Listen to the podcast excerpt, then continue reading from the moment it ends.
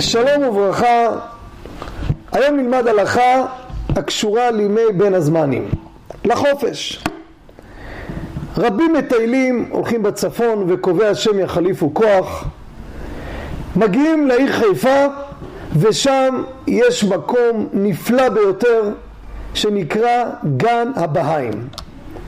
למי שלא מכיר, גן יפהפה מתארך על אורך מאוד גדול על כל צלע ההר של חיפה, כולו עם צמחייה מדהימה, נראה ממש אתר מצויר.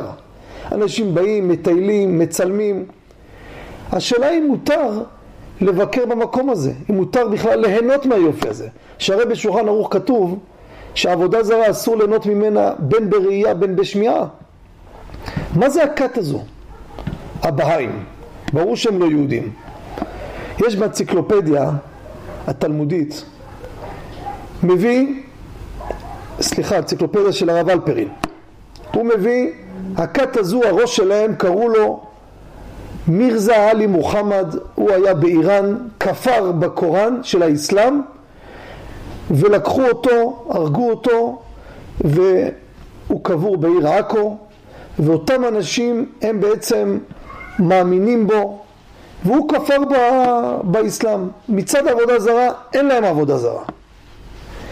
זאת ועוד, דבר שהוא בטבע מביא מרן הרב עובדיה, כמו צמחייה, זה לא יצירה של פסל או אדם יצר את זה, זה משהו בטבע, צמ... זרעו פה צמחים, אין בזה איסור הנאה. זאת בנוסף שהם לא עובדי עבודה זרה, ולכן מותר לסייר ולבקר שם, אבל ההוראה של הרבנים לא להיכנס לחדר שנמצא באמצע האתר שלהם. לא להיכנס לשם, לטייל בפארק, אפשר לטייל, אפשר להצטלם וליהנות, אבל לא להיכנס לחדר שנמצא במרכז הגן. תודה רבה והנאה מרובה, כל טוב.